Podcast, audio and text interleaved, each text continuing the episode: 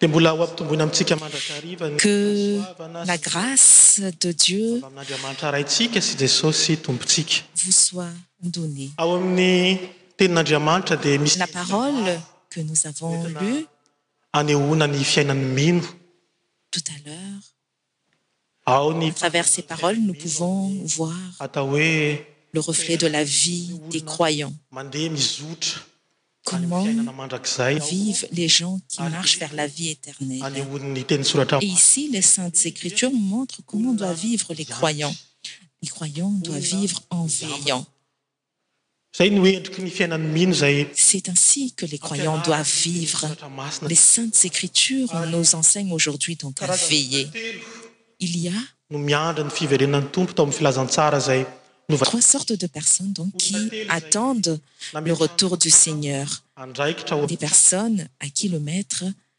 a confié sa maison la première personne il lui a demandé de garder la porte le deuxième il lui a demandé de veiller sur les serviteurs et le troisième il en y est ainsi aussi comme le deuxième mais il ne l'a pas fait mapametaceci fait poser des questions donc euh, ces trois images dn que devait avoir la vie d'un croyant qu'est-ce que donc veiller nanomboca tany amini depuis le livre de la geunèse adam et eve dieu a donné la responsabilité à adam et eve de veiller sur le jardins puis ensuite il appelle le père de famille à veiller sur sa famille l'église est appelé aussi à veiller sur le troupeau de dieu que signifie donc le mot veiller et comment veiller ces trois images ià travers ces trois images il y a quelque chose qui le relive qui est en relation donc le maître est absent le deuxième tous les trois il veillent et ne savent pas l'heure à laquelle le maître va revenir et le troisième point commun c'est que quand le maître va revenir il demandera des comptes à ce serviteur euh, à qui il a confié euh, sa maison lévangile donc nous parle ici de cande nous avons lu l'épitre aux hébreux dans le premier verset voici ce qui est écrit or la foi est une ferme assurance des choses qu'on espère une démonstration de celle qu'on ne voit pas si nous traduisons cela de mot à mot voici ce qu'on peut dire la foi est euh, c'es la foi cest sur la foi qiest basée lattente une preuve de celle qu'on ne voit pasla foi est le socle de l'a tente et nous attendons c'est la foi qui nous donnera sans la foi nous ne pouvons pas veillertendre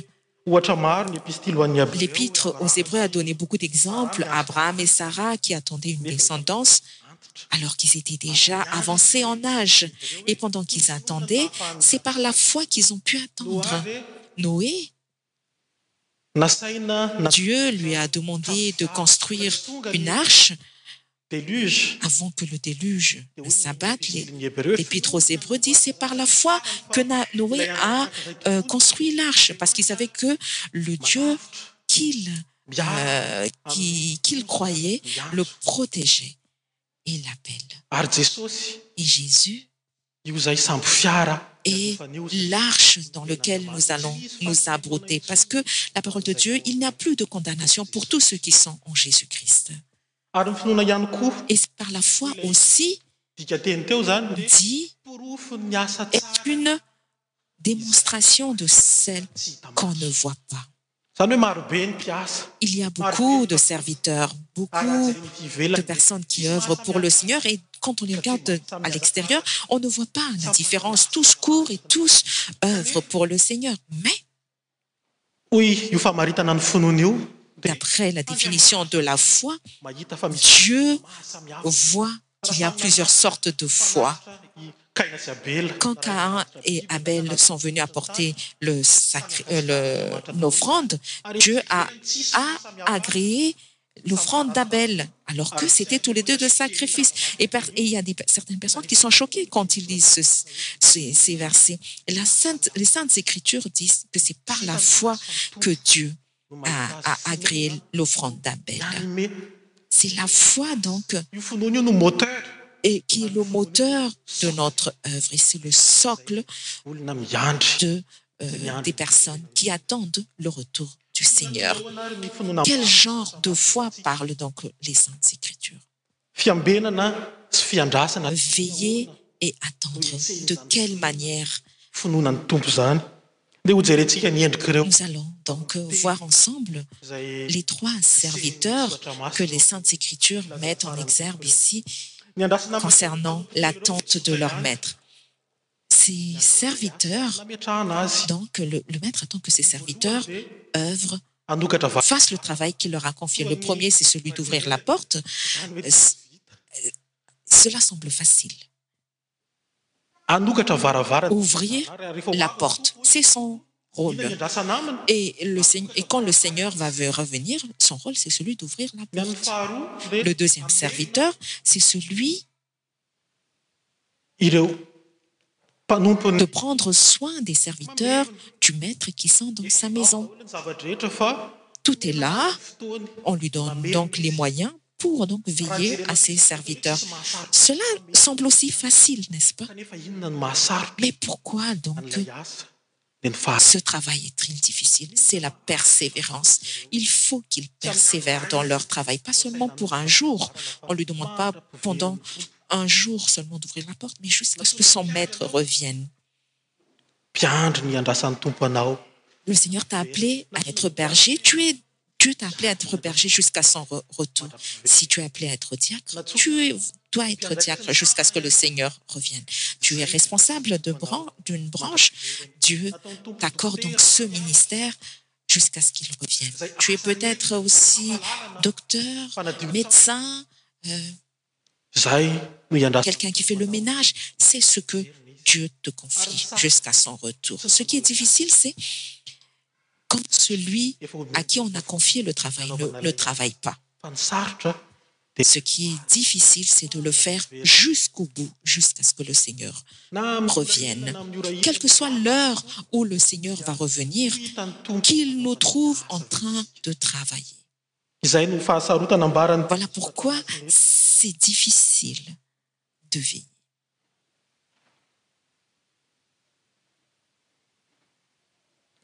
Ary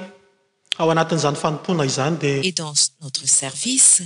il y a une chose que le Seigneur dit. Tsy fahalalana iray mila tazomina, mila. Il faut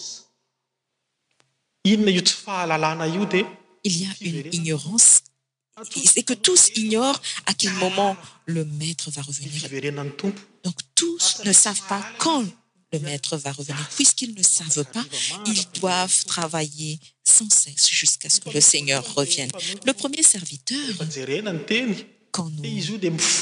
cet hommeest éveillé quand tout le monde dort puisque il est appelé à travailler même la nuit cece serviteur se réveille quand tout le monde dort que cela signifiei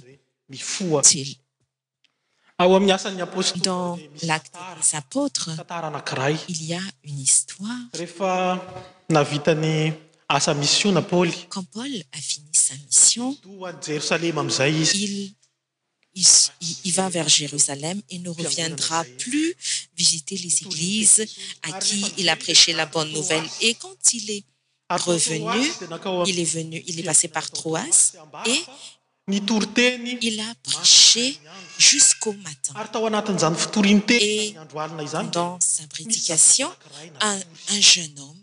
Ary rehefa natao s'est izany endormi fitorinteny dia et nianjera pendant qu'il dormait, il est kabary tombe de teny la amin'ny fenêtre efitra telo et no est décédé. nisy ny fivoriana sy ny fampianaran'i Paoly. Ary Lioka rehefa mitantara ny Luc tantaran'ity quand dia il maka raconte cette fotoana histoire, tsara Lioka il prend le temps hanaovana ny description an'ilay de mpihazakazaka. décrire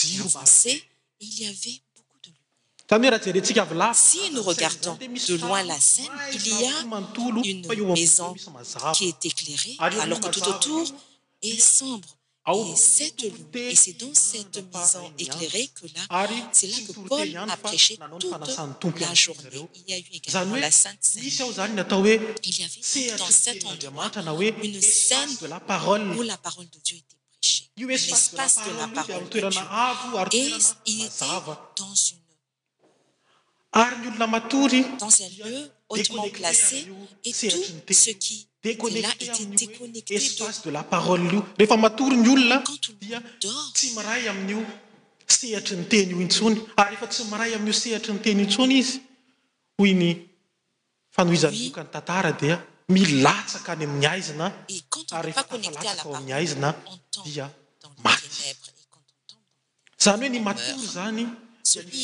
de dormir donc signifie c'est celui de quitter cet espace de la paroleonsort donc de cet quand une personne sort de l'espace de la parole il dort et quand il dort saintes écriture il tombera et quand il tombera il va mourir Asehon'i Luc zany amin'io fanazavany io fa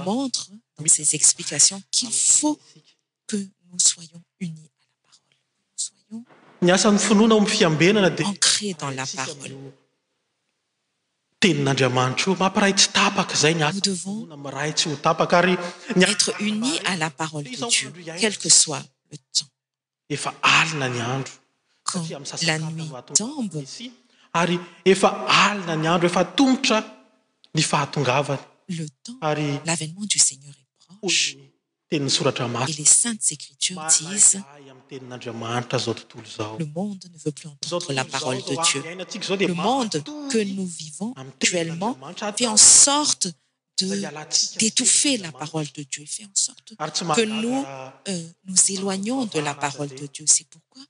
il n'est pas étonnant que certains de nos jeunes veulent aller làoù là où il y a de l'ambiance parce quece temps que nous vivons est un temps de somnelance le monde cherche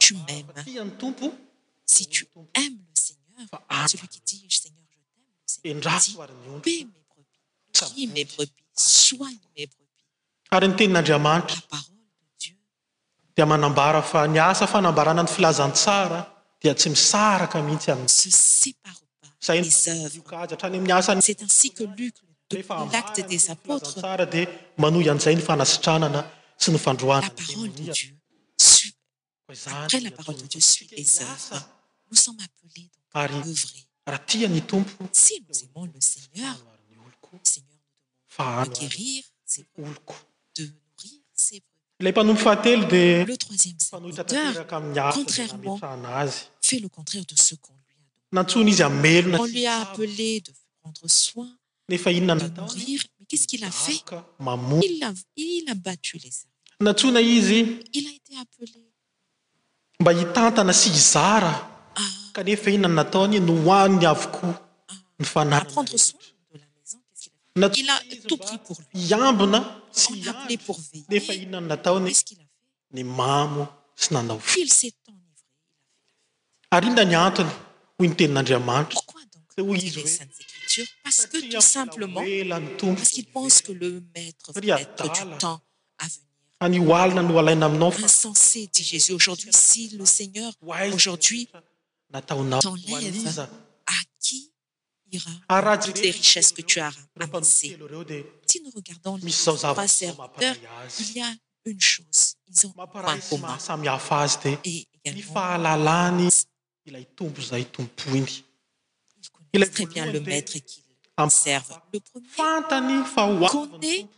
que son seigneur vaand le seigneur va revenir il va le recevoirlva le servir parce que quand il va le trouver en train de travailler il vail va ceindre ses reins il va le mettre à table et il va le servir c'est pourquoi il va travailler durement parce qu'il sait ce qu'il attend lorsque son maître reviendra en train de travailler le deuxième aussi il en est de même il sait que son dieu est un dieu qui prend soin de lui et c'est pourquoi il prend soin des autres il sait que quand le seigneur va revenir il va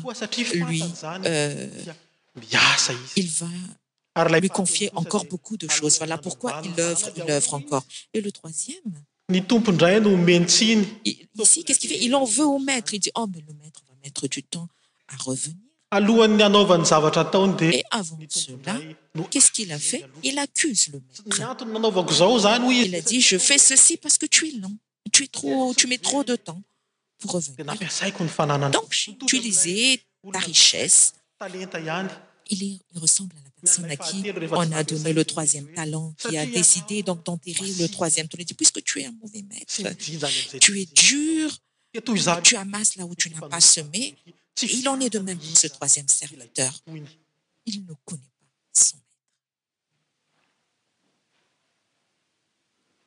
Ireo ohatry ny finoana ambaran'ny Epistilin'ny Hebreo dia mifototra amin'ny fahalalana sy ny fahatokiana an'Andriamanitra avokoa. Matoa izy ireo no tanisaina tamin'ny fahamarinana, ary tony ahoana ilay olona ils attendent parce qu'ils connaissent le dieu qu'il servent noé quand il a créé l'arche il sait que dieu veut le sauverilay andriamanitraet que dieu veude la mort manome fi c'est pourquoi il donne raha nanaisotra un abris raha nasaina n'olotra ny zanany zanany tokana abrahama quandat so fils en sacrifice il l'a fait parce qu' il savait que dieu st ressuscit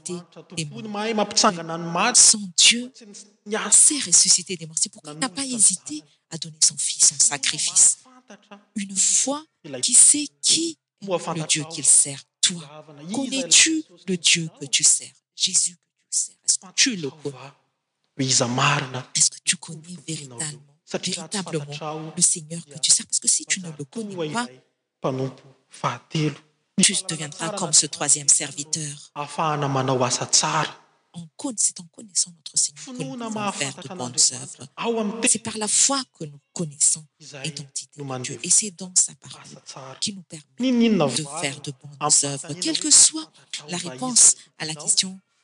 connais-tu le seigneurtu sers aujourd'hui le seigneur t'appelle à ce que tu t'accroches à la parole reste dans l'espace de la parole accroche-toi à la parole de dieu andrai ni teny any kotsika amfomba que nous puissons recevoir la parole d'une autre mlorsque nous